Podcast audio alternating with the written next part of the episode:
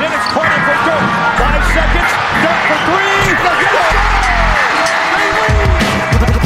A zaj, nincs egyszer a végén, ha battog a spalding. Minden nap élmény, blokkok és zsákok. Na gyere megmutatom, ez NBA szerelem Keleten, nyugaton, robban a zaj Nincs egyszer a végén, ha battog a spalding. Minden nap élmény, blokkok és zsákok. Na gyere megmutatom, ez NBA szerelem Keleten, nyugaton Éj jó! Szép jó napot kívánunk mindenkinek, ez itt a Keleten-nyugaton podcast a mikrofonok mögött Zukály Zoltán és Rédai Gábor. Szia Zoli! Szia Gábor, sziasztok, örülök, hogy itt lehetek. Most folytatjuk a Patreon postaládánkat, mert bőven van még egy második adásra való kérdésünk. Az kétségtelen, hogy közben az NBA-ben nem történt semmi érdemleges, ami történt az inkább érvénytelen, úgyhogy nem is nagyon tudunk miről beszélni, bár tényleg komolyan elgondolkoztam azon, hogy Jalen Jalen Brown álságosan döntőbe juttatása zsákolon, hogy az, az, az nem érdemelne külön említést, mert ugye az előző adásban volt egy olyan kérdés, hogy mi az, amiben álszent az NBA. Na, itt egy kiváló példa erre, úgyhogy, de mindegy, hát vegyük úgy, hogy ez a hétvége nem történt meg. Zoli, én arra kérnélek, hogy a következő kérdésünket olvasd be nekünk. Biló kérdése, sziasztok! Elfogadott narratív az NBA körül Rich Paul és a Clutch Sports aljassága, immoralitása, a szem szememben is kb. így él a figura, noha korábban egy mondatot sem hallottam tőle. Megnéztem egy hosszabb beszélgetést, interjút, előítéleteimet félretéve. Az túlzás, hogy szimpatikus lett, viszont átérezhető a nézőpontja. Nem pontos idézet, de jól körülírja a szitut. Én gangsternek vagyok bélyegezve, de ha mondjuk David Falk csinálja ugyanezt, sorban állnak az irodája előtt, hogy tanácsot kérjenek a nagyszerű szakembertől, és itt folytatja ugye Bilo. Ráadásul az a csomag, amit elmondása szerint a játékosainak szolgáltatnak, törődő már-már gondoskodó tanító szembesítő akár. Megint más, hogy az üzletkötéseknél mennyire játszik piszkos eszközökkel, valószínűleg pont annyira, amennyire másik oldal a franchise is. Mindezt egy 90 perces videóra alapozom, a kutató munkám hiányát a ti meglátásaitokkal pótolnám. Ez egy érdekes kérdés. Nyilván Polnak örökre ott marad ilyen bélyekként, hogy LeBron. És a teljes LeBron sztori mindig meg fogják kérdőjelezni azt, hogy LeBron nélkül meddig jutott volna el. Ő maga is egyébként nyilvánvalóan kimondja, és, és ebben persze igaza van, hogy LeBron adta meg neki a lehetőséget, ő nyitotta ki úgymond a kaput, és aztán ő a saját meglátása szerint bement rajta, és, és a saját karrierjét ő alakította ki. Állítólag nem tömte pénzzel LeBron őt a legelején, és, és ez igaz volt mindenkire.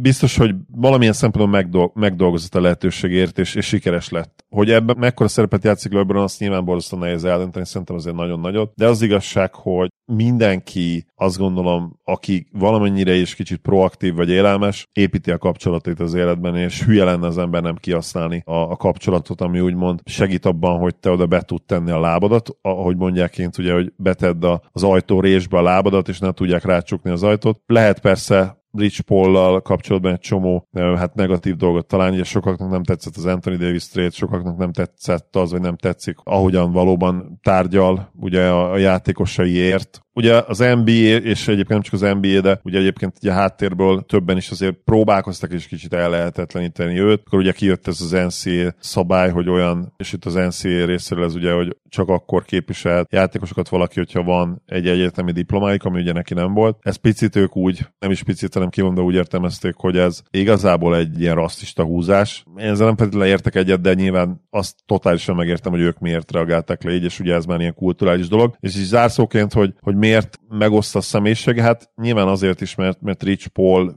ezt nem is tényleg burkolva, hanem annyira egyértelműen ő, ő a saját személyiségét gyakorlatilag ilyen rap mogulokról mintázta, és, és ők számítanak a, nyilván az ő kultúráján ból az ő hőseinek, és hát ezt, ezt azért így nagyjából követi az, hogy ő hogyan és, és mit csinál az NBA világában. Ami egyébként nem egy rossz fit teszem hozzá, nyilván, mert a, a klienseinek a nagyon nagy százalék azért nyilvánvalóan afroamerikai, és, és hasonló kultúrával háttérre rendelkeznek. Szóval ez nem feltétlenül negatív szerintem, és nyilván értető uh, That's racist, azt kell, hogy mondjam egy picit, mert azért attól, hogy afroamerikai vagy, még nem biztos, hogy a rap kultúrával rendelkezel, de most egyébként csak hülyeskedek, csak akartam szólni egy picit túl általánosan óvatosan fogalmaztál, de egyébként nagy részt igazad van. Biztos van olyan afroamerikai NBA játékos, aki nem ebből a kultúrából jött, de mondjuk valószínűleg kevesebben. Illetve, hogyha nem is direkt ilyen kultúrából jött, tehát nem kell, hogy feltétlenül a, a gyerekkorodat nagy részét mondjuk ilyen nélkülözéssel töltsd el, és, és nem kell, hogy feltétlenül az utcán legyél, de nyilván velük is azért meg tud találni egy, egy sokkal inkább egy közös hangot Rich Paul az öltözködésen, a zenehallgatáson keresztül, szóval nem feltétlenül kell, hogy teljesen a, a gyökereikig visszamenőleg minden azonos legyen egy-egy kliense. Szóval meg, megosztó figura a Rich Paul, és mind a két oldalt abszolút értem, mind a két oldalát. A negatívat is értem, hogy miért tartják negatívnak, meg nyilván azt is értem, hogy, hogy ez miért lehet kicsit visszás az ő szemszögükből. Én nagyjából mindennel egyetértek, ami elhangzott, de azért az viszont nem hangzott el szerintem, hogy a ligának miért szúrja a Rich Paul a szemét. Azért, mert ő aztán a az elég jól működő gépezetben egyébként egy, egy szög. Az a helyzet, hogy Rich Paul zsarolja a franchise-okat, hogy az ő kliensei mondjuk szeretnének egy csapatba játszani, hogy az ő kliense már pedig csak ide akar menni, és a player empowermentnek a megtestesítő ügynöke lett ezáltal Rich Paul, és ez nyilvánvalóan a szurkolókat is, és az NBA-t is nagyon zavarta. Na most azért az elmúlt években ez teljesen egyértelműen visszábszorult, és én azt gondolom, hogy itt nem nagyon nyilvánvaló, nyilvánvaló, de apró lépéseket tett a liga, illetve ahogy ugye átalakult a free agent piac,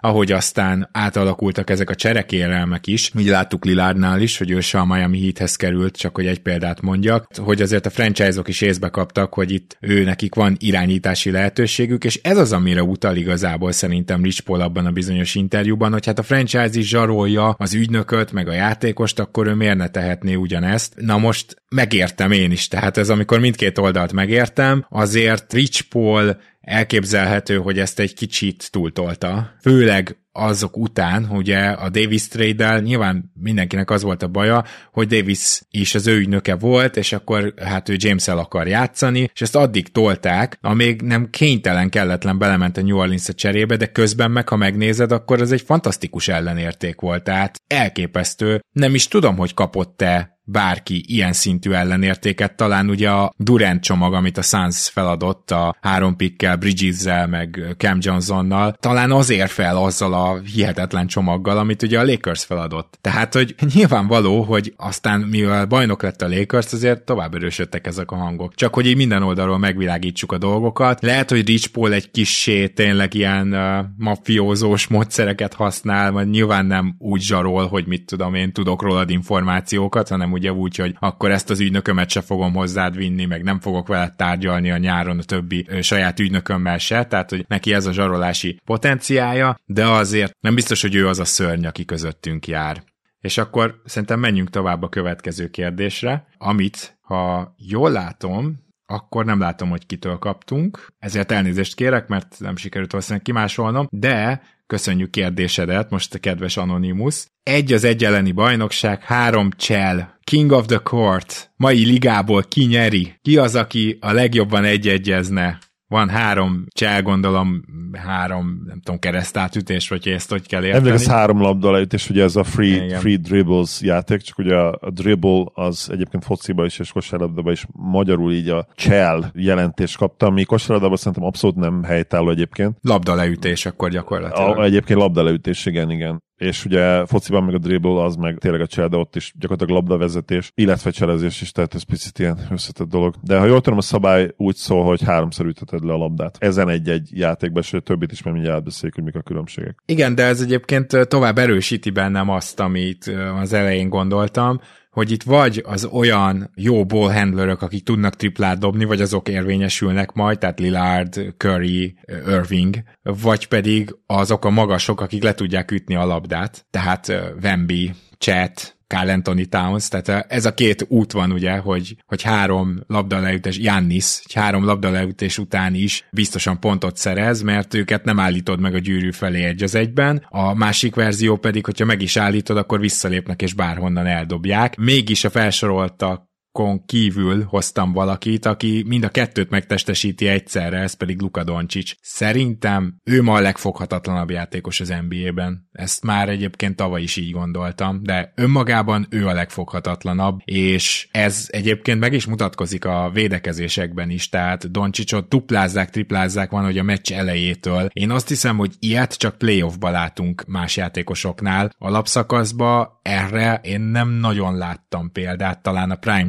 Jamesnél, de, de tényleg nagyon nehéz példát mondani rá. Igen, hogyha ugye Prime James-szel zártad le, én meg akkor vele kezdem. Ha, ha fénykorában lévő LeBron lenne ma a ligában, azt gondolom, hogy annyira egyöntetően őt mondtuk volna, valószínűleg mind a három típusú játékra. Ugye a normál one-on-one az ugye lehet akár egész pályás is, de általában fél pályás szokott lenni. Itt nagyon sokféle szabály van, tehát tényleg van 15 féle verzió. A free dribbles az ugye azt jelenti, hogy nem pumpáltod rommal a labdát, hanem ugye háromszor üteted le, és vagy ugye gyorsan gyűrűre kell törnöd, vagy, vagy mondjuk egy két-három labda leütés után egy visszalépős cselés és dobás. A King of the Court az ugye érdekesebb. A normál King of the Court szabály az ugye olyan, hogy rotálják így egymást a, a védők, és gyakorlatilag egy olyan formája az egy-egy elleni játéknak, ahol, hogyha a védekező játékost megverik, tehát kosarat szerez a támadó, akkor a védekező játékos úgymond a sor végére megy, és egy már új védő jön be. És ugyanazt a játékos fogja, aki ugye pontot ért el. Ha viszont a védő ugye megállítja az ellenfelet, akkor ő lesz a támadó játékos. És tehát a normál, ugye ez a King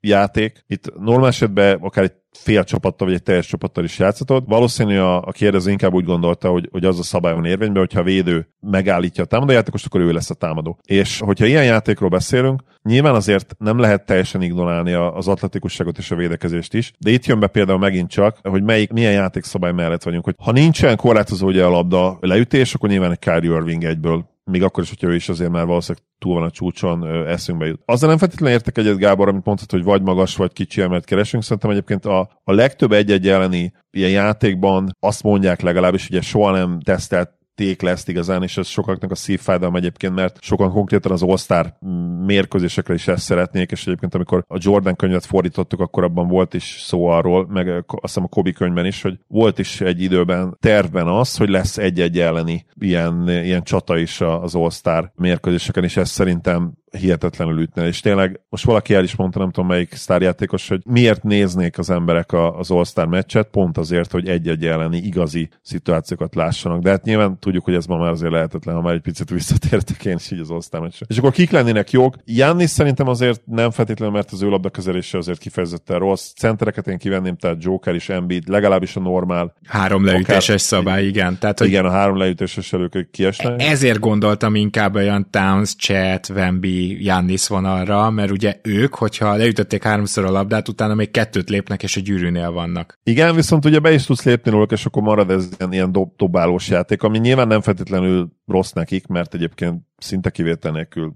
jó, vagy akár elit shooterek is. De minden szerintem a, a legjobb ilyen valóban játékos, nyilván Doncsicsot én is felírtam, ő szerintem mind a három szabályrendszerben nagyon jó lenne, nyilván félpályán van is esélye azért a méretei miatt megállítani az ellenfelet, nem nagyon tudod betolni, és ugye ezek a van elleni játékok azért nem arról szólnak, hogy te rommá cselezed és betörsz az ellenfeled mellett, mert azért ezt egy jó helyezkedéssel odadott kicsit a szöget, azt azért meg lehet oldani, és, és ezek inkább arról szoktak szólni, ugye az ilyen igazi egy-egy elleni csaták, hogy beseggelés és dobás, kinek van a legjobb dobás, illetve kinek van egy pici posztjátéka. És a legjobb kombinációk, a legjobb ilyen csomagok azok a majdnem erőcsatár, vagy akár erőcsatár mérettel rendelkező játékosok, akiknek van labdakezelése is, tehát Doncic, LeBron még ma is, Kevin Durant, vagy ha picit lejjebb menjünk, akkor Devin Booker nagyon-nagyon jó lenne ebben. Steffet nyilván a, a dobása miatt, hogyha mondjuk King of the Court szabályrendszeren, tehát marad a labda, hogyha bedobod, Steffet nyilván soha nem lehet leírni, mert lehet, hogy bedob egymás után 10 triplát, és akkor oda se adta labdát az ellenfélnek. Viszont nyilván, ha Steph védekező posztba be kell, hogy menjen egy, egy Doncsics ellen, vagy egy LeBron ellen, akkor ott meg lehet, hogy azért van vége a játéknak, mert egyszerűen tízszer egymás után beseggelik és befejeznek felette. Tehát ott nyilván neki ez, ez gázos lenne. Paul George lenne még szerintem nagyon jó, és nyilván az új, új hullámból Shea, Zion esetleg, Zion nyilván nagyon-nagyon problémás lenne azért, eh, tehát őt hátragyűrűnek senki nem állítaná meg,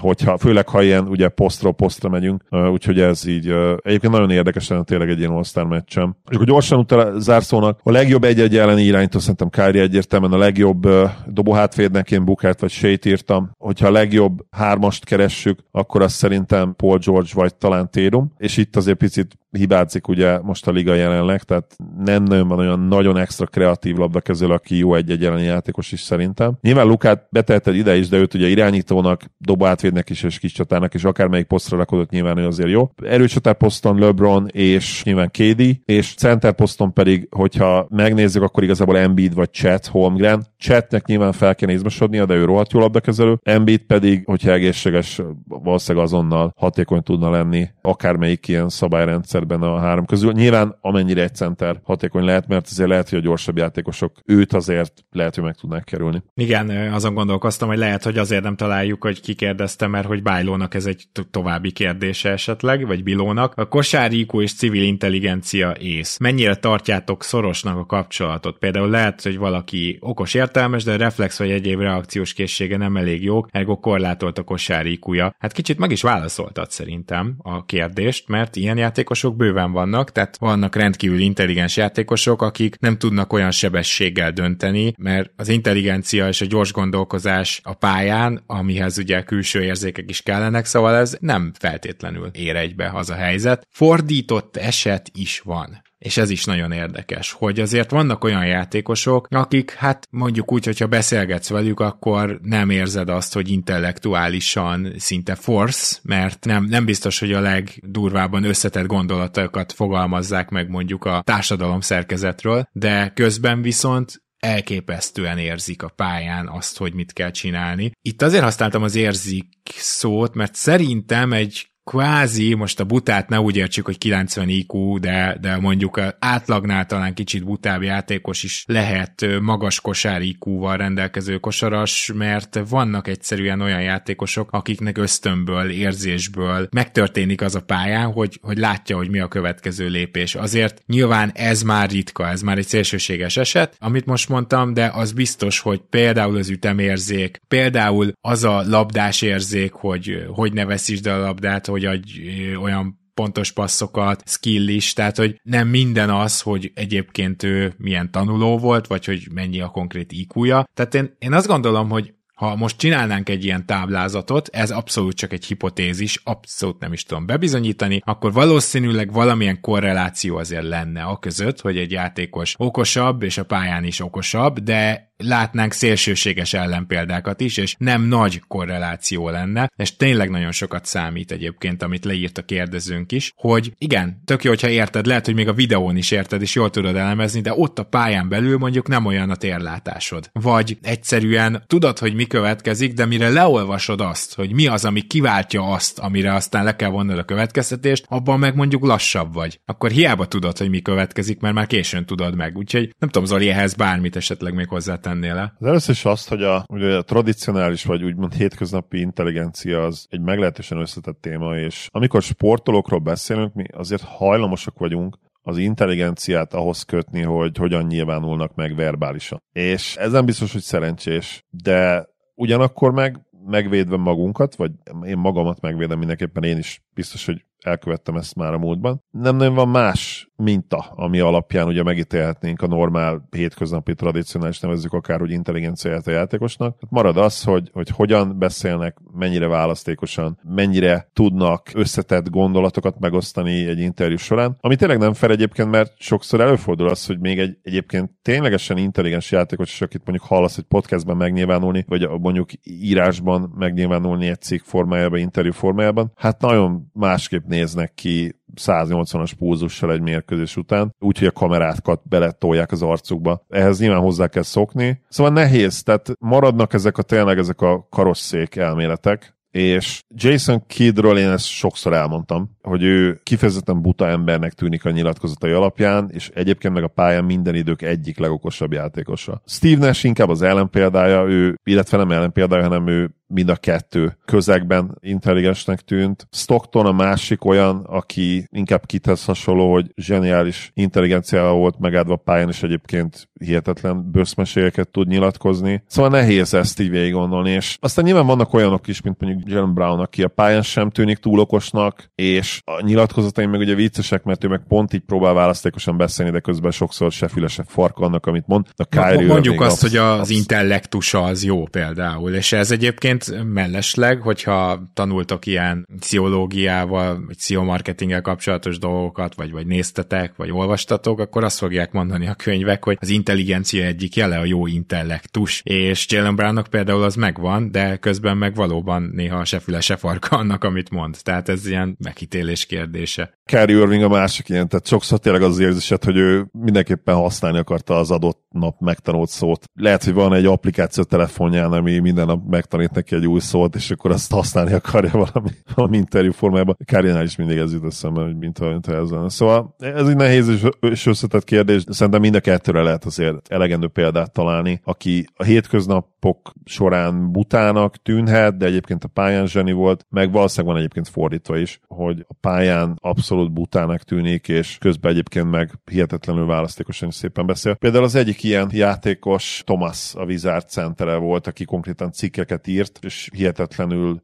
szép angolsággal, gyakorlatilag ilyen irodalmi stílusban, és a pályán meg ugye Ethan Thomas hát nem volt egy nagyon intelligens játékos. Viszont akkor én azt javaslom, hogy guruljunk tovább, ugyanis őrs kérdése nekem az egyik legizgalmasabb kérdés volt. Én nagyon hamar találtam hozzá anyagot, és pont azért volt izgalmas, mert így végignéztem, és mondom, hú, itt vannak sztorik, szóval érdekelne, hogy milyen franchise mozgások voltak városok között, mert biztos van egy-kettő hajmeresztő sztori, sokszor több ezrek napi rendszerességű szórakozása tűnik el, financiális vagy teljesen más okok miatt. Hát arról nem is beszélve, hogy megélhetése, tehát tudjuk, hogy egy franchise hány embert foglalkozik foglalkoztat, és ugye, hát itt aztán tényleg vannak durva sztorik, franchise történelmet nézve. Zoli, kiderítjük azt, hogy például a mostani Washington Wizards az hogy lett Washington Wizards?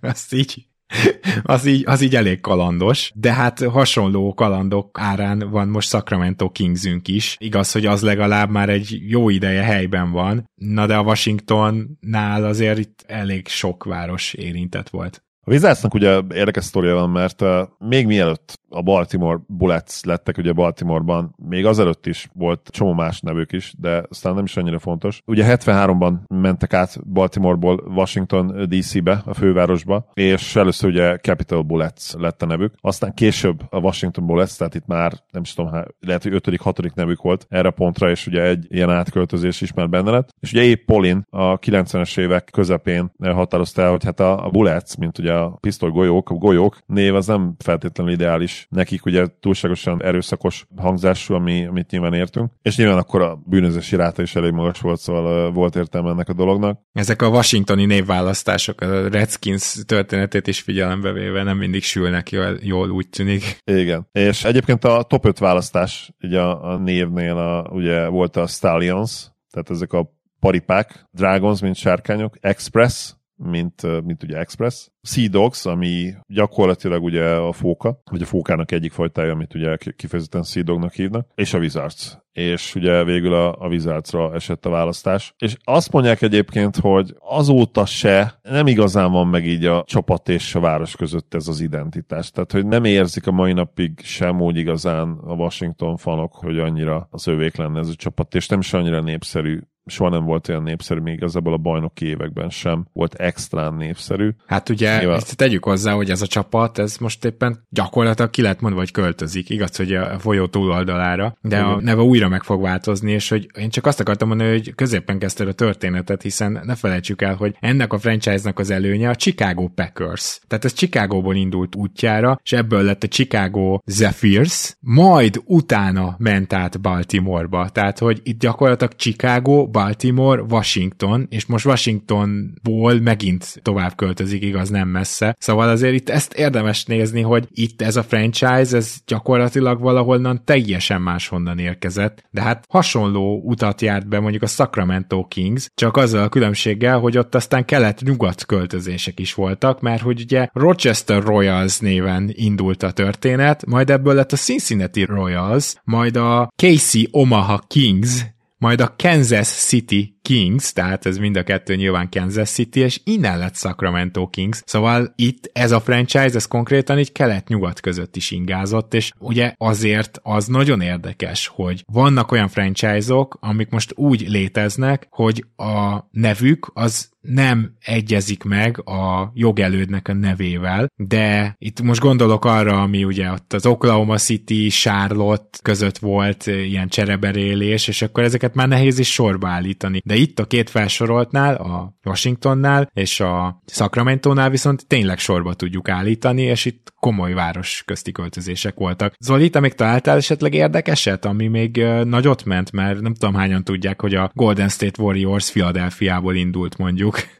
Pár ilyen érdekesebb sztorit kiírtam. A Clippers sztori egyébként nem feltétlenül bonyolult, de szerintem annál érdekesebb nyilván, hogy a Donald Sterling sztorinak a végét azt ismerjük, de a kezdete is legalább annyira érdekes volt. Ugye ő San Diego-ból akarta átköltöztetni a csapatát Los Angelesbe, ahol élt, ugye Los Angelesben élt akkor már, és nagyon sok ideig pereskednie kellett, és végül bár át tudta vinni ezt a dolgot, de az NBA megbüntette őt 25 millió dollárra, és végül így tudta elérni ezt, tehát nem volt egy egyszerű történet aztán a végét meg ugye ismerjük, amikor le kellett adnia. Egyébként volt több olyan NBA költözés is, aminek nagyon egyszerű anyagi okai voltak. Ugye a Vancouver Grizzlies uh, nem tudott profitábilis lenni, kevesen jártak már a végén a meccseikre. Azért szó van azóta is arról egyébként, hogy visszaköltöztetni sok kanadai oda is az NBA-t, hogy legyen két csapatok újra. Akkor az uh, Oklahoma és... City költözés, akkor ott ugye izé volt a természeti katasztrófa, meg New Orleans és Oklahoma Igen. között, és egyébként az nem a Seattle Supersonics Oklahoma City Thunder folytatólagosság, hanem az a Pelicans, mostani Pelicansnek az előcsapata ment ott ide-oda a természeti katasztrófa miatt, szóval ilyen banális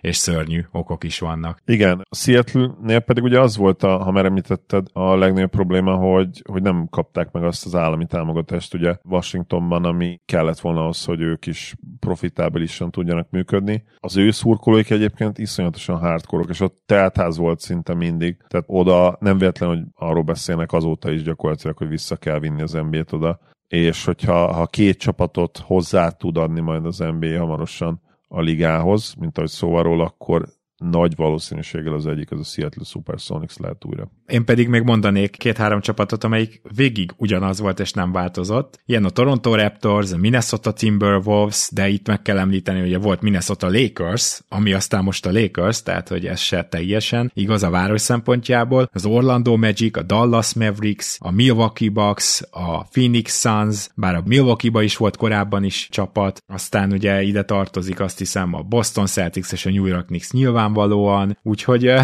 van egy-két franchise, aki túlélte, hogy a megalapítása óta teljesen ugyanott tudott maradni Chicago Bulls szintén, de ugye Chicagóban is volt korábban csapat, ezt se felejtsük el, és ugye említetted egyébként a Clippers-t, még ahhoz akartam hozzátenni, hogy jó, hogy San Diego Clippers volt, de ők pedig a Buffalo Braves csapatából költöztek először San Diego-ba, tehát ott is volt egy jó pár váltás. Ugye a Utah Jazz név az nyilván már sokszor elhangzott ezzel foglalkozó bármilyen podcastekben, nem csak a miénkben, hogy nyilván Utahban a jazz az nem a őshonos zenei műfaj, az ugye ők New Orleansból költöztek, és az a New Orleans jazz most a Utah jazz, és utána hosszú évekig nem volt New Orleansnak csapata, tehát semmilyen folytatólagosság nincs ott se. Na de akkor menjünk tovább, és a következő kérdésünket Drani tette föl. Hajdi, jó, azt szeretném kérdezni, hogy csak én érzem úgy, hogy nagyon sok blowout meccs van idén, szerintem kb. 50% vagy ti is. Nem találok erre vonatkozó statisztikát sehol, hát ha ti jobban képbe vagytok, köszi. Hát Zoli, majd, majd mondod, hogyha te találtál konkrét ilyen statisztikát, én nem, de azért megpróbáltam megmókolni a dolgot, és azt néztem meg, mégpedig a StatMuse-on, hogy a legnagyobb arányú győzelmek, azok ebben a szezonban és az előző szezonban hogy alakultak, és hogyha ezt nézzük, akkor azt kell, hogy mondjuk, hogy ha a blowoutok számát ebből nem is tudjuk megállapítani, mert mondjuk egy minimum 30 pontos győzelem, de azért valószínűsíteni igen, és az jött ki, hogy hát bizony igazad van, ugyanis ebben a szezonban azt hiszem 20.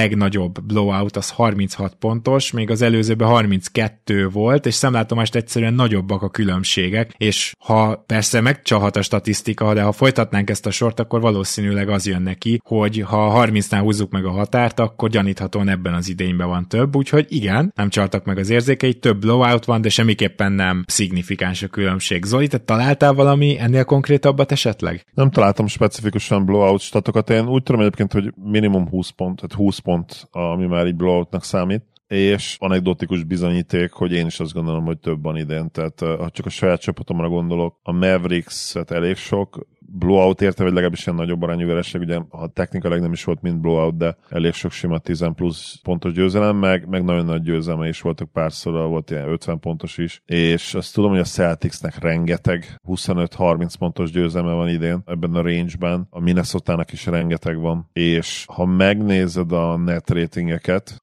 akkor hát elég durva dolgokat látunk, tehát ott is azért a Celtics az majdnem 10 pontos net ratingnél van. A Minnesota is pár hete még majdnem ebben a kategóriában volt, most azért már lejjebben, de, de tényleg, ahogy mondom, ők, nekik is van, van elég sok, sőt most plusz 10 felett van a Celtics, plusz 7,3 a Minnesota, plusz 7,2 az OKC, az OKC-nek is volt elég sok blowout győzelme, szóval ja, igen, szerintem is több van, de statisztikát én sem találtam erről. Hogyha így van és igaz, akkor biztos, hogy benne, hogy abban az is benne van, hogy analitik analitika, és szerintem vannak erről is már statisztikák az NBA csapatokon belüli analitikus csapatnál, hogy mikor van értelme tolni még egy meccset az alapszakaszban, és ha mondjuk 22 pontos hátrányban vagy, akkor egyszerűen kiülteted inkább a játékosodat, akinek amúgy is tudod, hogy mondjuk 36-37 percet kell játszania. Ugye nemrég körbe ment egy olyan stat is, hogy Utahba és Denverbe nem megy el a legtöbb Igen. sztár, hogy ott ülte, alapból ott van a load management nagy része, ugye az, az a magaslat, és egyszerűen a játékosoknak megterhelőbb ott játszani. Mindig tudtuk, hogy Denverbe és Utahba ettől már önmagában nagyon jó a hazai pálya, de ezt most kezd összejönni azzal is, hogy ugye a sztárok esetleg azt a meccset ülik ki, ami nagyon vicces szerintem. De igen, tehát teljesen egyetértek veled, Zoli, hogy itt az analitika azért ezekre már választod az egyzőknek, hogy mikor nem érdemes menni érte, melyik meccset pihenjék le esetleg, már nem úgy, hogy pályára lépnek, hanem úgy, hogy pályára se lépnek, tehát ez abszolút benne van a pakliban. És még egy másik is az, hogy én most már 20 pontos győzelmet nem nevezném blowoutnak. Tehát a mai NBA-ben, hogyha mondjuk 10 ponttal mész bele az utolsó 5 percbe, és egy kicsit jobb dobóformát fog ki a vezető csapat, és ez felmegy 20-ig, szóval ezt, ezt nem érzem blowoutnak. Azt hiszem, hogy ma már 30 fölött kell ezt mondanunk, miközben nyilvánvaló, hogy 2002-ben mondjuk egy 20 pontos győzelem egyértelműen blowout volt. Tehát, hogy maga a szó definíciója is kell, hogy változzon, ahogy a liga változik. Lehet, igen, a 30 azért rengeteg, tehát inkább azt mondom, hogy akkor 25, ha már, ha már mindenképpen akarod kicsit tologatni ezt a dolgot, akkor a 25 azt szerintem reális. Bence kérdezi tőlünk,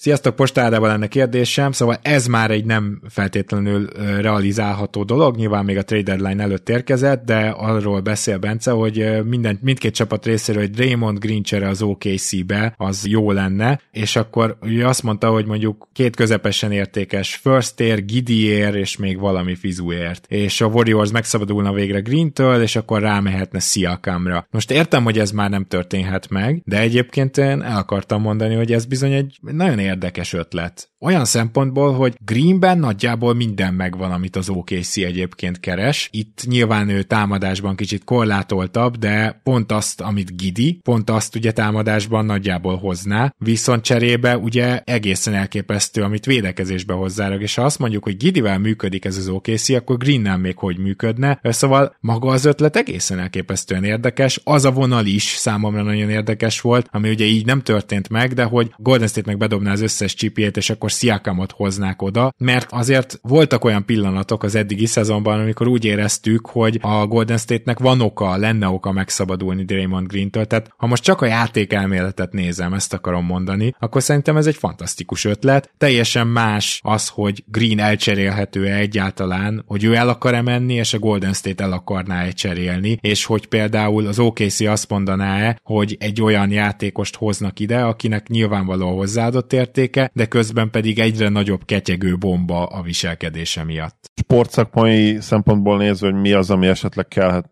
még az OKC-be, tényleg tök jó ötlet. Tehát egy olyan veterán, aki a védekezést még inkább össze tudja rántani majd a play a kielezett szituációkban. Az okc a támadójátéka szerintem, hogyha esetleg nem lesz, és nem is lesz annyira hatékony a play akkor az azért lesz, mert egyszerűen még fiatalok és fejlődniük kell majd, főleg mentálisan. Játékban, játékhívásokban első számú opció, akinek elég jó lesz szerintem a playoff szakító szilárdsága. Nyilván nem fog 12-szer oda kerülne vonalra, lehet, hogy csak 8-szor, 9-szer, de sé jó lesz szerintem ott is. És egyébként ugye belőle építkeznek, meg ugye Williams az, aki még mint secondary, vagy mondjuk időnként harmadlagos labdakezelő kreál a többieknek, és ő maga is befejez. Ahogy elmondtam már, azt hiszem két-három-négy, nem tudom hány adással ezelőtt, én azt várom, hogy Jalen Williams usage még feljebb menjen, és egyértelmű második számú 23-25 pontos pontszerző opcióval lépjen elő majd a play Nem tudom, hogy bevállalnám egyébként Raymondot független attól, hogy, hogy a pályán nyilvánvalóan nagyon értékes tud lenni még mindig. Egy OKC szempontjából szerintem nem, mert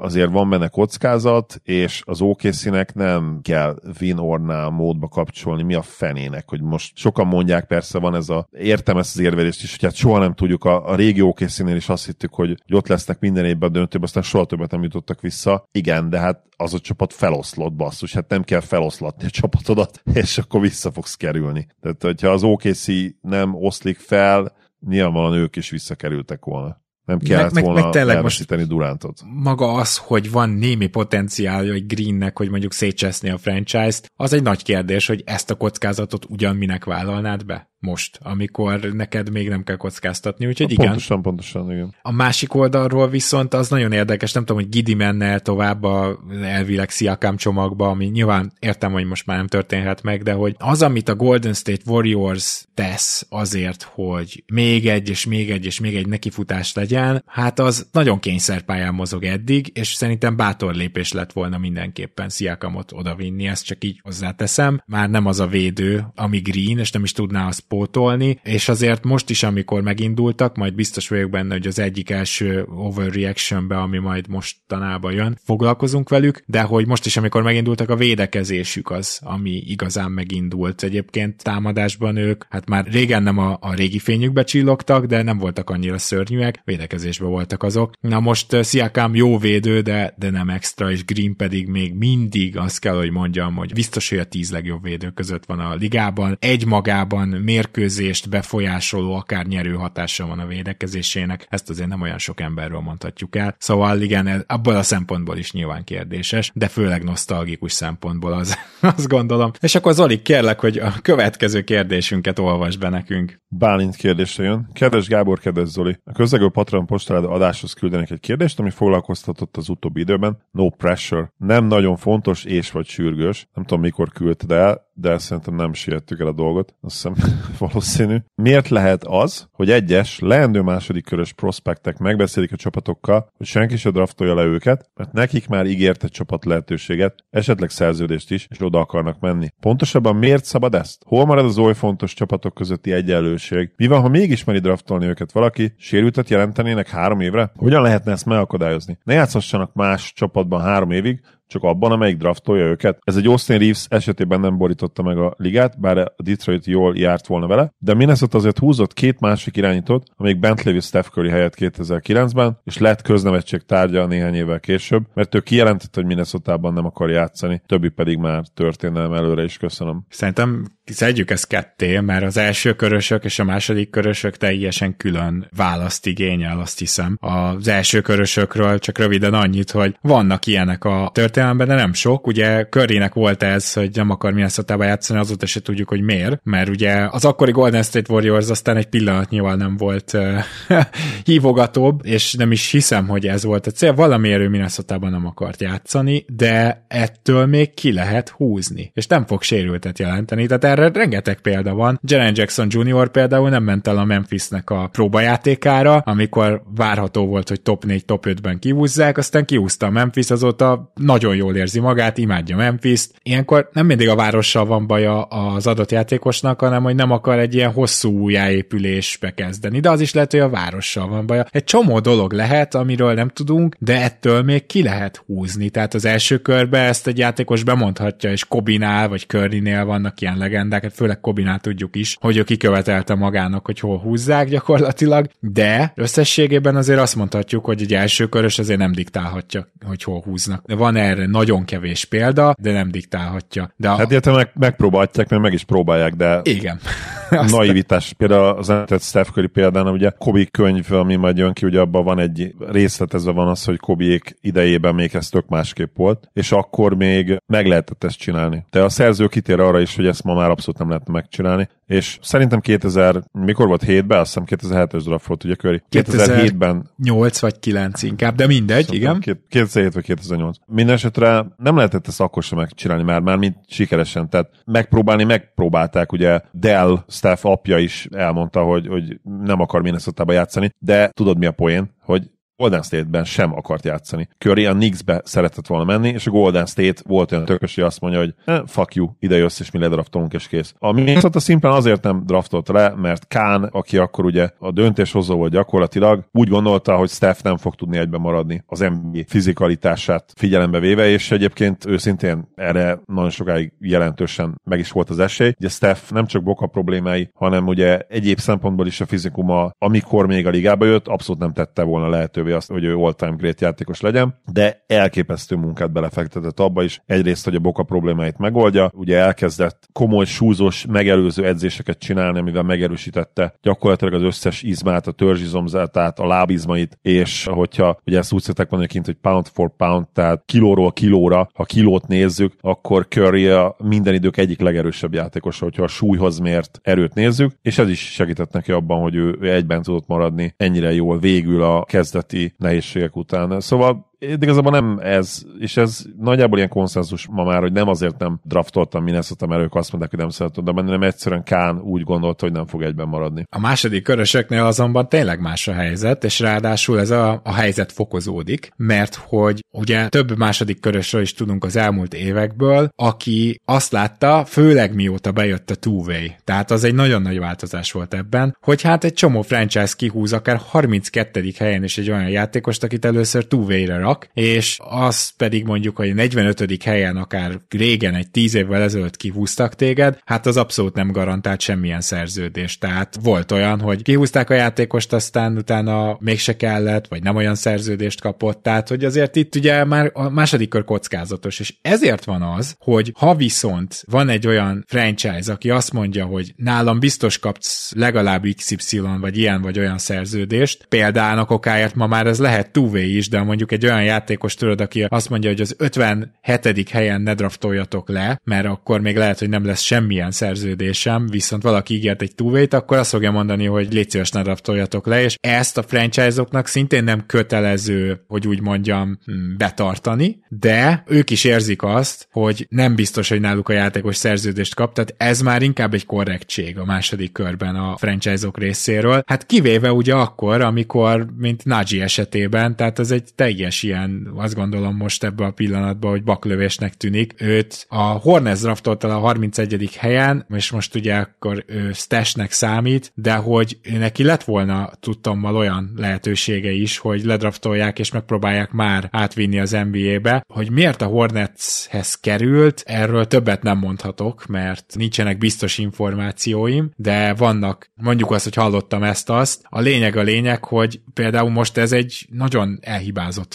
döntésnek tűnik. És nyilván a második körben már azért megy az egyeztetés, tehát ha tudja egy játékos, hogy mondjuk 35 és 45 között mehet el nagyjából, meg az ügynöke, akkor azért egyeztet a franchise-okkal, hogy kinél milyen lehetőség lenne, mit látnak bele, tehát ott már sokkal több ez a két irányú egyeztetés, ezt akarom mondani, függ ez attól is, hogy milyen mély a draft, stb. stb. De, de igen, ezek már úgymond kicsit ilyen, ilyen szempontból emberközelibb, vagy emberségesebb módon működnek, hogy meg kéne akadályozni, hát Hát igen, lehetne ez ellen tenni valamit, de őszintén szólva nekem nagyon tetszenek azok a sztorik önmagában, amit mondjuk egy Fred VanVleet, amit mondjuk egy Terence Davis, most csak hogy torontós példákat mondjak, jelent, de akár most egy Vince Williams, aki ugye two kapott, pedig egészen, tehát nem, nem, nem ilyen 50 valanyadik helyen választották, vagy egy Jabari Walker Portlandben, aki az 57 volt talán valami hasonló, és még ennek ellenére is olyan jól szerepelt a nyári ligában, valójában, hogy azt mondták neki, hogy oké, okay, itt a szerződés, nem two kapsz, hanem egyből szerződés. Szóval, hogy ezek a sztorik valójában ugyanúgy létrejönnek akkor is, hogyha mennek ezek az egyezkedések, csak azt akarom mondani, így engem kevésbé zavar. Ehhez még bármit, Zoli? Nem, szerintem nagyon jól összeraktad, amit még én is elmondtam volna, annak lefetted szerintem kb. 90%-át, úgyhogy mehetünk tovább a következő kérdésre. Oké, okay, akkor azt olvasom én. Zsolt kérdezi, köszi, hogy vagytok már több száz adás óta, remélem lesztek még egyszer legalább ennyit. Hát végül is nagyjából ez a terv. Lenne pár kérdésem, ezt most én mondtam, nem a kérdés volt. Lenne pár kérdésem a következő mailbag adásra. Az első a kivásárlás. Sokszor hallani, hogy ezt vagy azt a játékost kivásárolják, aztán aláír egy következő csapatba jóval kevesebbért. Tudnátok egy kicsit beszélni arról, hogy hogyan történik pontosan a kivásárlás? Kb. mekkora részt szoktak a fizuknak kifizetni ilyenkor? Egyben kapja meg a játékos, vagy évekre szétosztva. Utolsó szerződéses évben történik ez általában, vagy van arra példa is, hogy két-három évnyi fizuból vásárolnak ki valakit. Én azt hiszem, hogy kezdjük azzal, hogy nagyon ritka az, hogy két-három évnyi fizuból vásárolnak ki valakit. Ugye Josh Smith volt egy ilyen emlékezetes példa, de hogy ez tulajdonképpen azért van, mert annyira katasztrofális már a helyzet, és a játékos meg a franchise iránya, vagy, vagy nem tudom én, a kémiája már teljesen megromlott, és már a kétségbeesett franchise, aki nem tudja elcserélni ezt a játékost, még azt is bevállalja, hogy inkább kivásárlom, mint hogy ott maradjon. És ugye ha még egy példát hozhatok, tehát van olyan kivásárolt játékos, aki mondjuk két éves szerződésből van kivásárolva, de, és ez egy nagy de, egy full tankoló franchise-nál, aki mondjuk úgy kapta meg ezt a játékost, hogy nekik semmi szükségük rá, és ilyen dead money-ként egy cserében, és utána azt mondta, hogy mi az idei, meg a jövő évi fizetését is álljuk, de ő ne legyen itt. Tehát ezekre van példa. De azért a kivásárlóknak a 90%-a az ugye az, amikor lejáró. És akkor itt meg átdobom neked a szót, Zoli, Ugye a lejáróknál a kivásárlás az egy játékos és franchise szempontjából is egy ilyen közös döntés gyakorlatilag. Így van, és akkor történt még egyébként kivásárlás, amikor a játékossal valami történik, és ez lehet akár, mint például ugye Sanders esetében illegális drogfogyasztás, ugye nála ez volt az egyik faktor. Az ő, ugye nem is tért vissza soha után az NBA-be, volt róla szó, hogy visszatér majd neki sok éves szerződése volt még konkrétan hátra, és 21,9 millió dollárban állapodtak meg végül ugye a bucks mert hogy egyébként azt hiszem nem sokkal előtte írt alá egy négy éves szerződést, ugye, ami még gyakorlatilag ilyen 40 plusz millióról szólt, és hát hiába tiltották el, ugye a Bucks azt nem tudta megúszni, mert ezek szerint vagy nem volt benne a szerződésben ilyen cikkely, vagy kitétel, vagy nem akarták azt úgymond végigvinni és pereskedni a játékos, hanem inkább megegyeztek ugye ebben a 21,9 millió dollárban. Itt uh, bocs, meg annyi, hogy, annyi, hogy ezt a 29, nem tudom mennyi milliót, ezt egyébként ők részletekbe fizették ki, de a legtöbbször... igen. igen. Igen, igen, de legtöbbször azért egybe, tehát nyilván itt általában igen. olyan összegekről van szó, amit arra az évre amúgy is megkapna a játékos, azt meg általában egybe fizetik ki. Meg még azt tegyük akkor hozzá, vagy hát arra a kérdésre fontos válaszolni, hogy a kivásárlás vásárlásokba milyen pénzbe egyeznek meg. Ugye ezek a klasszikus kivásárlások, aminél fél év van hátra a szerződésből, tehát lejáró, ott általában a játékos utána minimumért ír alá valahova, és éppen ezért a minimumnak az összegét azt elengedi. Tehát, hogy ő annyit szokott engedni, amennyiért várhatóan aláír egy másik csapatnál, kivéve, hogy a Rajon Rondót aki ugye mindig jól jár, és többér ír alá, mint a minimum egy contender csapatnál, de hát ennek az időszaknak már vége. A Bison Dale eset vicces egyébként, még ugye nem vicces egyébként, főleg annak kapcsolatban, hogy szegény utána eltűnt, és ugye halottnak is nyilvánították elvileg, azt hiszem a testvére ölte meg soha nem találták meg a testét, hogy ő ugye aláírt egy hosszabb szerződést, és utána a 97-98-ban ilyen karrierévet futott, aztán visszavonult, és mégis a Pistons megegyezett vele valamilyen kivásárlásról 31,7 millió dollár értékben, úgyhogy ha esetleg Lala hallgatja meg ezt az adást, nagyon kíváncsi hogy ő tud erről valamit, mert ugye normál esetben, hogyha visszavonul egy játékos, tehát önszántából, és nem orvosi karrier végét jelentős sérülést, vagy valamilyen betegséget szenved, mint például ugye Chris Bosch, akit értelemszerűen azért fizette utána még nagyon sokáig a hit. Szóval, hogyha önszántatból visszavonsz, akkor elvileg nem jár semmi, de itt mégis Bisondale-nél volt valami, tehát volt egy, igen, most azt nézem, hogy aláírt egy 7 éves, 45 millió dollárra szóló szerződést a pistons aztán volt egy karrieréve, 97-98, és utána 99-ben visszavonult az NBA-től. Szóval nem értem, hogy miért kellett a Pistonsnak megegyeznie vele erről a 31,7 millió dolláros kivásárlásról, úgyhogy a Patreon kérdések között most mi is feltettünk egy kérdést kedves hallgatóink számára, úgyhogy kölcsönkenyér visszajár várjuk a választ. Köszönjük. Yes, yes. Következő, még ugyanúgy Zsolt kérdése, ez a mostanában sokat keringett, USA Rest of the World All-Star, hogy jót tenne az All-Star gálának. Hát teljesen egyértelmű, hogy jót tenne az All-Star gálának, de... Ennél minden jobb lenne. Ennél az is jobb lenne, hogyha nem NBA játékosok játszanának, hanem beívnának tényleg. Figyelj, géligás uh, játékosok tudja, hogy fel akarnak magukra hívni a figyelmet, nem? Tehát, hogy biztos. Minden igen. további nélkül. Na mindegy, de persze jót tenne, ezt egyszerűen nem lehet igazságosá tenni. Tehát azt, azt nem tudod megcsinálni, hogy mondjuk a legjobb, 12. legjobb játékos a Worldben, az mondjuk Bogdan Bogdanovics, nem biztos így van, csak hasamra ütök, és őt is ezért beívod az All-Starba, és ezért mondjuk, mit tudom én, nem kerül be, mondjuk kit mondjak, aki most benn is van. Jalen Brunson például kimaradt. Jalen Brunson biztos kimaradt volna, de mondjuk Paul George. Paul George ezért kimarad, és hát most azért, hogy kifut jobb szezont Bogdan Bogdanovics vagy Paul George, szóval értitek a problémámat, most nem biztos, hogy ez pont így lenne, meg a, amennyire ugye a nemzetközi játékosok egyre javulnak, még mindig az amerikai medence a mélyebb, hogy tükörfordítsam a pult, a merítés, ugye, de azért lehet, hogy egy idő után ez már közel igazságos lenne, de akkor se lenne pontosan igazságos, és ez szerintem az osztának mindenképp lényeget. Ez az, amin túl kell esnünk, hogy hát az All-Star a kiválasztásról szól, és nem a gáláról, ahol a játékosok egyáltalán nem szeretnének a sérülés veszélyének még árnyékába se kerülni, és teljesen érthető a részükről, hogy miért. Annak ellenére, hogy ugye rengetegen mondják, hogy hát Iversonék még milyen keményen mentek egymásnak. Igen, aztán voltak is sérülések az All-Star gálákon, és ezt megelégelték a csapatok, az ügynökök és a játékosok is. Tehát itt gyakorlatilag valami ö, jutalmat kell adni a játékosoknak, vagy valami tétje legyen, akkor lesz meccs. Ha nincsen semmi tétje, akkor nincs meccs. És ennyire röviden igazából össze lehet foglalni az egész problematikát. Viszont menjünk tovább a harmadik kérdésre, és Zoli, akkor itt ezt majd átadnám neked. Bíráskodás, idén talán még inkább téma a gyenge bíráskodás. Szerintetek mit kell tenni, hogy ez javuljon? Ti büntetnétek valahogy a gyengén botrányosan teljesítő bírókat, esetleg változtatnátok valamilyen szabályon, challenge videózás, hogy jobb legyen a helyzet. Amint rágondolok arra a Raptors Lakers negyedik negyedre, már is úgy érzem, hogy nem kéne megszólalnom, úgyhogy Zoli,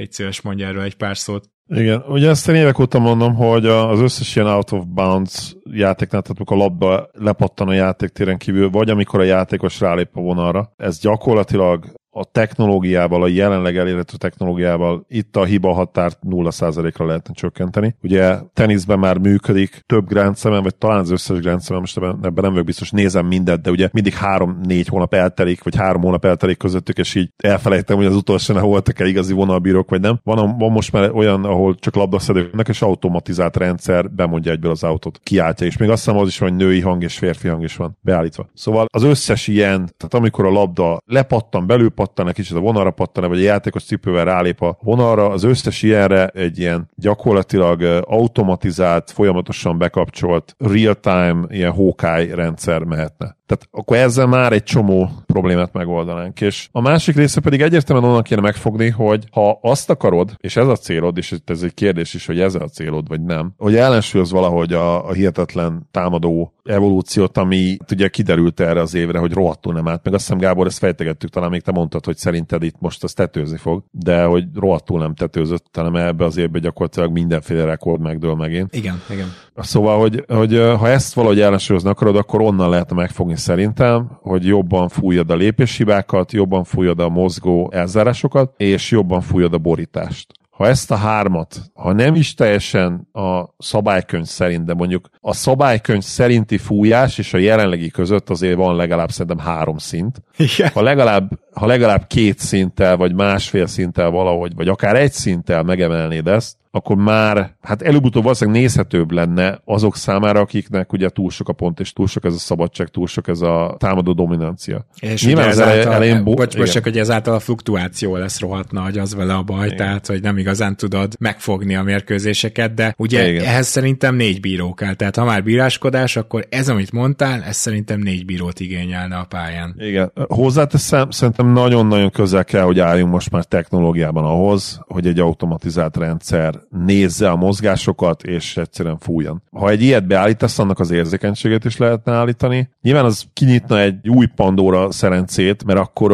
ugye az lenne, hogy akkor meghekkelték a csapatomat, vagy a, a bírót, de hát basszus már, már tíz éve rója szerintem a, az utakat a Google-nek az automatizált önjáró autója, meg nem tudom melyik, tehát igaz egy ember, lehet, hogy volt két haláleset, talán valakit szegényt elütött egy biciklistát, de hát annyival jobban működik a, most már nem tudom, több millió kilométerre, és ez pár baleset van, pedig elég sok ilyen rendszer van most már. Szóval ez is ilyen lenne, hogy nyilván hibázna a gép is, de szerintem ha a gép hibázna, akkor azt jobban el is tudnánk fogadni, mint az ember hibát, mert olyan hát, nem egyébként nagyon... ez, az a baj, hogy a, az, a sziológiánk nem így működik, tehát a foci az jól megmutatja, hogy ez nincs így. Ha a gép hibázik, az kevésbé tudják elfogadni. A nézőtéren hát, a, a, var, a var nem nagyon hibázik, tehát a, igazából most is emberi hiba szokott lenni, tehát a var az megmutat, amit megmutat, mert ugye a múltkor is igen, a ez jogos persze. Tehát, igen. igen, tehát, hogy, igen. Szóval igen, nyilván ez egy nehéz kérdés, de egyébként amerre megy az AI, és amilyen uh, poten, nem is csak potenciál, igazából már a jelenlegi, tehát múltkor néztem el egy adást, és hogy két ilyen AI szakértő mondta, hogy ők nagyon megijedtek, mert kiderült az, hogy már évek óta tud valamit az AI, ami így nem, tehát így nem került napvilágra, és aztán így hirtelen kiderült, hogy ő már ebben is jó, és nagyon régóta. És hogy ez nyilván már egy ilyen, mindegy, ez egy teljes új adás lehetne majd. Neked lehet, hogy lesz is a másik podcast ennél. Szóval uh, én mindenképpen ebbe az irányba mennék el, mert a, ha sok kamera, ha mögötte van egy AI, az egyszerűen jobb végeredmény lesz. Nyilván, hogyha úgy állítod be az érzékenységet, hogy mindent befúj, akkor az elején nézhetetlenek lennének a meccsek, ez tök egyértelműen mindenki borít, mindenki lép kb. De nyilván ezzel lehetne játszani. A bíráskodás emberi szinten szerintem elvileg az NBA-ben jól össze van rakva ez a dolog. Tehát ők ott ugye az NBA-ben full-time bírók vannak, ellentétben az NFL-lel, és van továbbképzés. Silver néhány éve el is mondta, hogy meg is büntetik a bírókat. Van következménye a hibáknak. Tehát most van akkor... egy ilyen belső visszajelző rendszer, belső értékelés. Igen, ilyen. kapják a tableten az anyagot állandóan egész héten. Szóval, hogy mit csinálsz még ezen? Egyszerűen rohadt nehéz bíráskodni egy NBA mérkőzésen. Úgy, hogy közben meg ez a product product, ami most van, hogy iszonyatos sebességű játékosok, nagyon jól dob mindenki, nagyon jól cselez mindenki, és hát biztos, hogy ki van adva ukázba, hogy ne szó szerint értelmezzük a szabálykönyvet, és úgy fújjuk a borítást és a lépési ezt nem maguktól találták ki a bírók. Ez pontosan így van. A negyedik kérdés az pedig a Skyhook, hogy Karim annak idején szinte megállíthatatlan volt a horogdobásaival, gyakorlatilag nem lehetett blokkolni. Szerintetek mi az oka annak, hogy azóta senki se építette be a repertoárjába a horgot? Mármint gondolom itt most kifejezetten a Skyhookról beszélünk, mert nyilván, hogy rengeteg játékos tud horgot dobni, és a centerek között is egy Jonas Valanciunas, de mondok még mást is, aki nem center, egy Scotty Barnes rendszeresen használja a horogdobást. Ugye erre a magasabb játékosok, Wemby,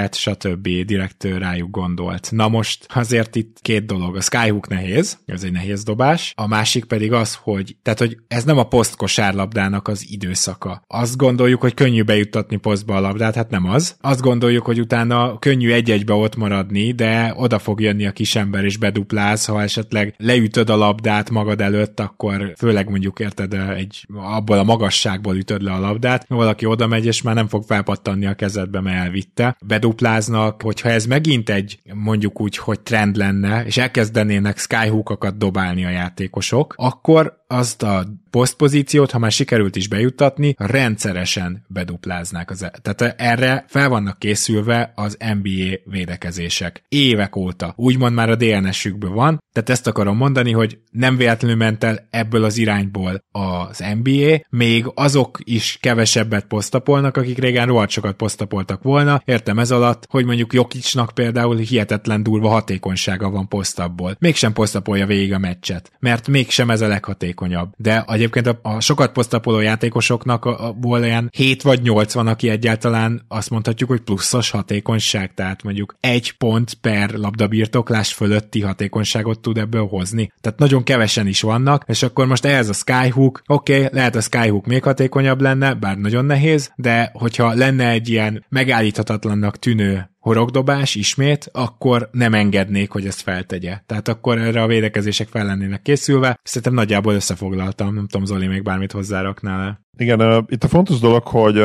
nincsen ilyen minden évre kiterjedő statisztika Karimmel kapcsolatban, ugye? De találtam erről egy elég részletes leírást, ami mondjuk egy szezon nézett meg. Tehát nem tökéletes feltétlenül, ez a 82-83-as szezon dolgozta fel ez a statisztikai elemzés, és ilyenkor ez alatt a futás alatt, ugye egész évet nézve, Karim picivel 50% alatt fejezett be ugye a Skyhook, tehát ez a nagyon magasan kivezetett horogdobásnak, végülis ez horogdobásnak nevezhető, nagyon magasan kivezetett horogdobásból, és ez 1,06 pontot ért labdabirtoklásonként, ami nagyon jó, de ennél a hatékonyságnál vannak ma jobb játékszituációk, például az egyik ilyen a Jokic posztap is, ami ennél hatékonyabb. Jokic jóval hatékonyabb ennél, szerintem az 1,1 fölött van, és Embiid idén nem, de tavaly, vagy tavaly előtt az egyik évben szintén e fölött volt, tehát hogy az tök durva most ebbe belegondolni, hogy vannak jelenleg hatékonyabb horogdobások, mint Karim Skyhookja volt. Igen, igen, és nyilván a másik dolog pedig az, amit mondtál, és szerintem ott fején találtad a szöget, hogy nem az a leghatékonyabb, hogy Jokicot 25-szer posztapoltatod egy meccsen, hanem az a leghatékonyabb, amikor egy adott csapat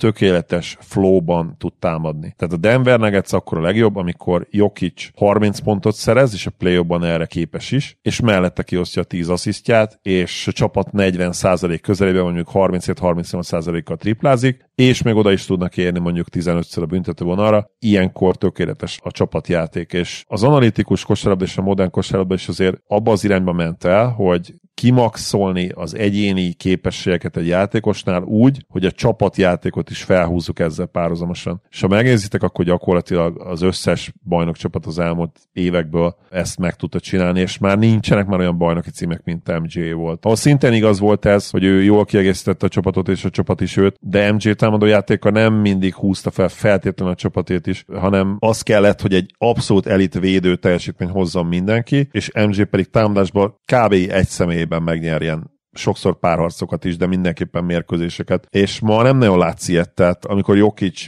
40 pontot szerez a play vagy mit tudom, 45-öt, vagy 48-at, vagy 50-et, akkor általában valami baj van. Nem biztos, hogy ez minden szituációra igaz nyilván, mert ugye Jokic különleges passzol, tehát ha ő 40 pontot dob, akkor az valószínűleg azt jelenti eleve, hogy a többiek nem dobják be a lehetőségeiket, de mégis azt gondolom, hogy az, az igaz, hogy ma még inkább csapat kontextusban kell gondolkodni, főleg ugye támadásban, mert egyszerűen a kiegészítő embereidnek be kell dobniuk az üres helyzeteket. És nyilván ez abból is fogad, hogy a leghatékonyabb offenz az ugye tudjuk, hogy a kinti dobásokra épül már, tehát majd, hogy nem minden egyes meccsed egy kicsit ilyen bedobtam-e a triplákat, vagy nem dobtam be a triplákat történetben megy át, és nyilván tudom, hogy ezt sokan nem szeretik, de, de így van leginkább az adott csapat kollektív kezében tartva a végkimenetel, független attól, hogy mennyire korszakos sztár támadó játékosuk van egyébként. Hát igen, tehát ugye a büntető és a zicser után, vagy a, a nem contested közeli befejezés után a tripla a harmadik leghatékonyabb fegyver, és igen, tehát a, nyilván a playoff az más, tehát a playoffban És nyilván vol- volumenben azt tudod befolyásolni, tehát igen. hogy azért olyan szempontból az a legfontosabb, hogy azt tudod te befolyásolni volumenben, a közeli lehetőségeidet, meg azt, amikor nem támadnak, meg egyáltalán tehát zicser, meg gyorsindítás, az nem tudod spammelni, mert ha azt lehetne spammelni, akkor Hát de ez nem igaz. Más. Abszolút tudod spammelni, ha gyorsabban játszol, ezért játszik mindenki gyorsabban. Tehát, hogy az a transition miatt De, de félreértesz, tehát a, úgy értem, hogy a kísérleteket nem tudod spammelni. Nem, nem tudod spammelni azt, hogy 30 tök üres zicsered legyen egy ja, meccsen, persze, persze. de a, míg a triplát tudod. Igen, tehát itt gyakorlatilag az van, hogy persze törekednek arra is, hogy azt spammeljék azzal, hogy minél több leindításból legyen minél több üres izé, de annak van egy teteje, és a triplában meg azért még sokkal többet bele tudsz rakni. Ugye van olyan csapat, amelyik a büntetőt próbálja, hogy így te szavajárásával spammelni, például a Lakers vagy a Duck Rivers csapatok, és annak is ez a célja, tehát itt gyakorlatilag a leghatékonyabb dobásokat azért erőltetik, bármelyik is legyen az, hogy abból sokkal hatékonyabbak lesznek majd csapat szinten. És a Skyhook az nem rossz hatékonyságú, ha lenne ma Kerim, akkor dobhatna Skyhookokat, de ő se kizárólag azt dobhatná. Az se értettem teljesen egyet, hogy azt mondtad, hogy ha Jokic 50 pontot dob, az azt jelenti, hogy többiek nem dobták be. Szerintem inkább az azt jelenti, hogy az ellenfél csapata, már ha playoffról beszélünk, elvette a passzjátékát, és erre azért volt példa nem is egy és nem is kettő, és én szerintem,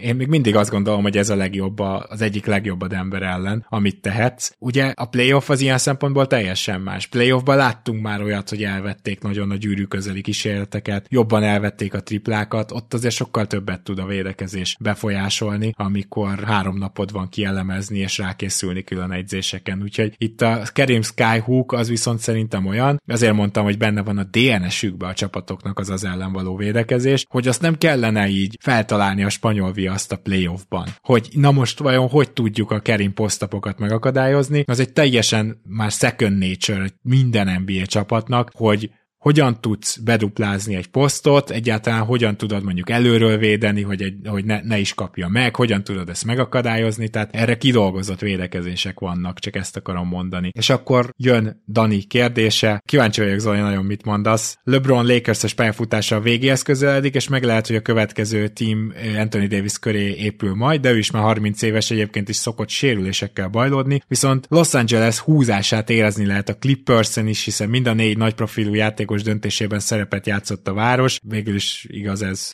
Westbrooknál is, még akkor is, hogyha ő eredetileg nem a Clippershez tartott. Szóval a kérdés, ki lesz a következő sztár, aki a Lakersbe cserélteti magát, vagy a szabad ügynök piacon oda szerződik. Azt gondolom, hogy itt a cserélteti magátig tart -e valójában a kérdés, mert a szabad ügynök piacon oda szerződik részt, azt szerintem nagyjából elengedhetjük. Na mit gondolsz, Zoli, ki lehet a következő olyan sztár, aki kitalálja, hogy Los Angelesbe szeretne menni? Hát nem tudom, hogy ez nagyon jó kérdés. Specifikusan a Los Angelesbe? Hát meglepne őszinte, hogyha az európai játékos lenne. Tehát nem tudom, lehet, hogy azért címezted nekem, hogy kíváncsi vagy, hogy én mit mondok, hogy talán Luka eszedbe jutott, de engem meglepne, hogyha európai játékos specifikusan Los Angelesbe akar menni. Ez inkább szerintem olyan amerikai játékosokra igaz, akik nagyobb piacra vágynak, vagy a legnagyobb piacra, hogyha ugye elé a legnagyobb piac, lehet, hogy New York a legnagyobb piac. Hát szerintem még New York amúgy. Valószínűleg New York. Szóval, hogy uh, nyilván lehet ilyen, de akkor az ilyen nem vár dolog lesz, mert ugye három-négy éve is lenyilatkozta hogy neki tök mindegy volt, hogy hova kerül, mert nem ismerte egyik amerikai város sem. Szóval szerintem inkább valaki amerikai, mondjuk Zion, ő szerintem nem egy olyan nagyon rossz tipp esetleg. Igen, de ez nagyon érdekes, hogy ahhoz, hogy valahova cseréltesd magad, ugye a mai adásban már előjött, ahhoz most óriási gigasztárnak kell lenned, és még annak is össze kell állnia, hogy a másik csapat ténylegesen tud érted cserélni, mert a Miami Heat nem tudott Lilárdért. Szóval, hogy nagyon-nagyon sok mindennek egyszerre kell összejönni, és nem tudom, hogy Zionnak jelen pillanatban van-e olyan értéke, van-e olyan sztár értéke, hogy ő kijelenthesse, különösen egy New Orleans Pelicansnél, akik szerintem már éppen elegük van abból, hogy egy játékosuk a Lakershez akar menni, hogy ő kijelentesse, hogy már pedig a Lakersbe cseréljetek, szóval ez nagyon izgalmas lesz lesz James visszavonulása után, mert teljesen egyetértek abban a kérdezővel, hogy a, a Lakers utána Anthony Davis köré még egy 3-4 évig lehet, hogy megpróbál építkezni, és nem az lesz, hogy elcseréli a 32 éves Anthony davis vagy a 33 éves, hanem azt mondja, hogy még egy start megpróbálok szerezni. Tehát, hogy azért itt lesz erre igény, és lesz erre akarat, az biztos, az már más kérdés, hogy milyen sztár lesz pont olyan helyzetben, hogy nagyon nagy sztár, pont Szerinted ott... LeBron még három évig játszik? Hát, Két évig, két évig azt gondolom még játszik. És a 41. életév szezonban szerinted legit contenderok lehetnek? Én annyira nem látom ezt magam. Nem, én, én már Nyilván... a Davis időszakról beszélek itt, hogy nem a ja, jó, LeBron visszavonul, értem. tehát hogy utána, mert ugye ezt kérdezte a kérdezőnk is, és hogy... Jó, világos, igen, igen, tehát hogy ah, jó.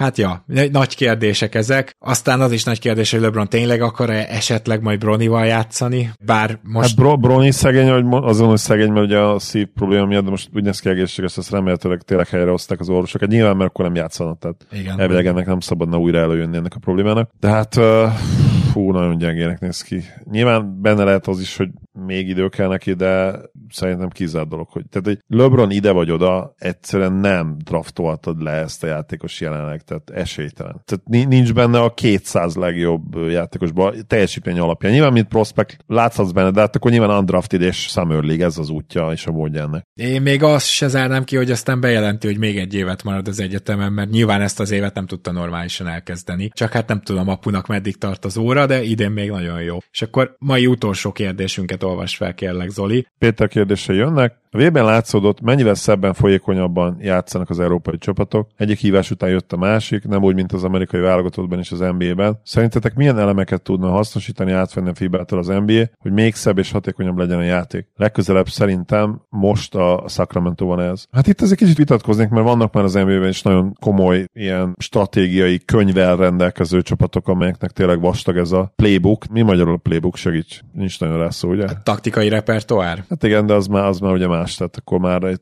nem mint tárgyra utalsz, hanem ténylegesen ugye egy...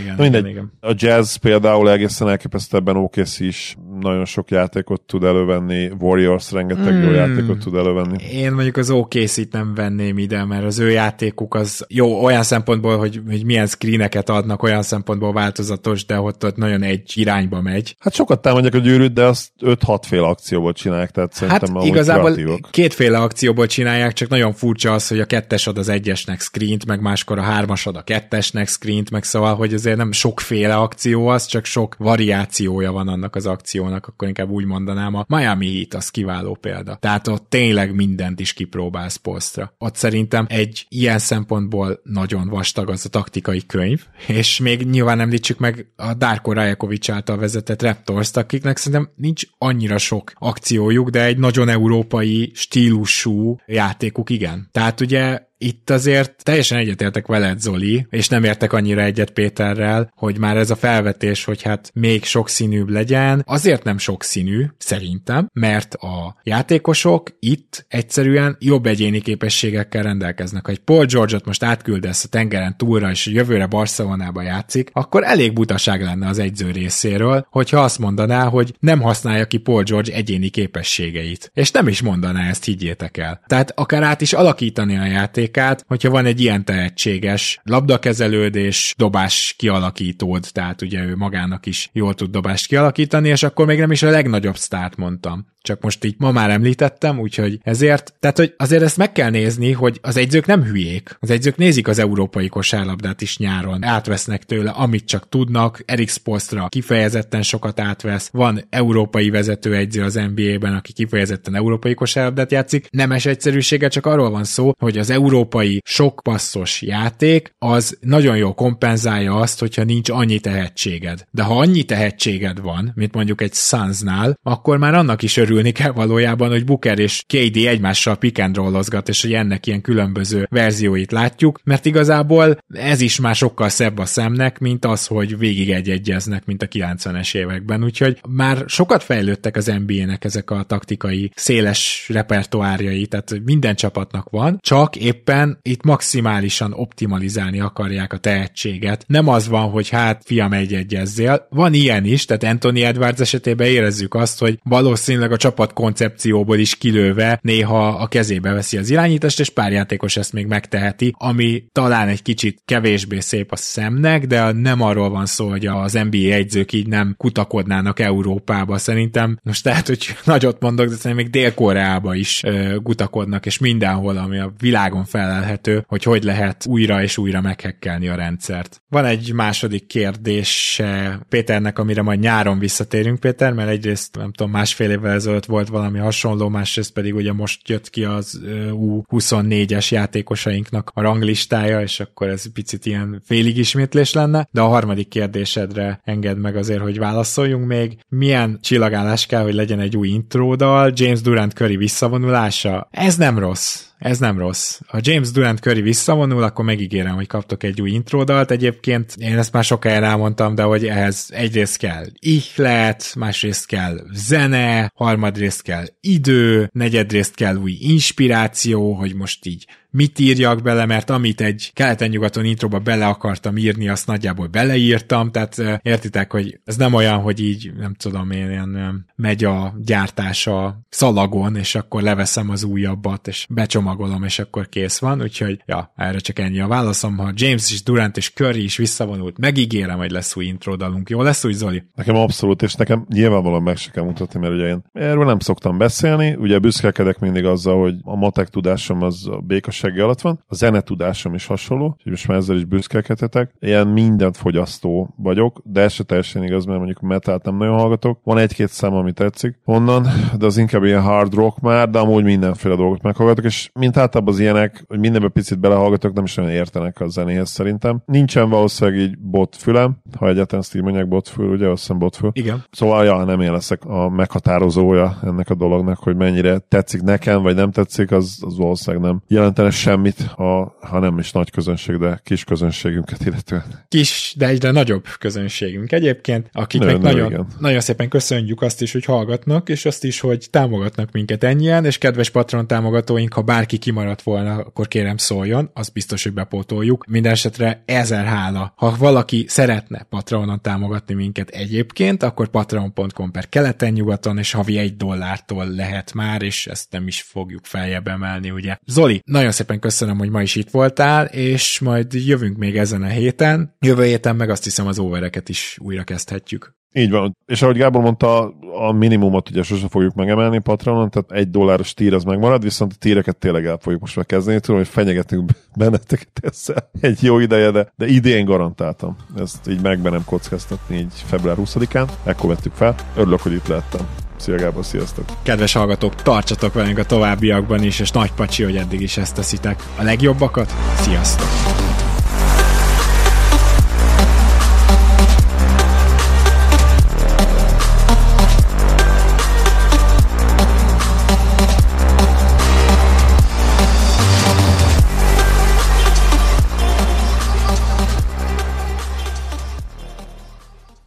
Ha más podcastekre is kíváncsi vagy, hallgassd meg a Béton műsor ajánlóját. El tudod képzelni, hogy a podcastet, amit éppen most hallgattál, fél év múlva már a mesterséges intelligencia generálja? Mi sem. De ha érdekel, eljötte már a gépek lázadása. Hallgass bele az Embertelen podcastbe. Orsós Lajos vagyok, a műsor házigazdája. Egyelőre még élőben. Egyelőre. Fedezzük fel együtt, hogyan ismerkedik, randizik, mesél és vitatkozik Betty és Péter, két teljesen mesterséges intelligencia. Lajos, a podcast címét mond még egyszer, Léci. Oké. Okay. Embertelen podcast. Ez a műsor a Béton közösség tagja.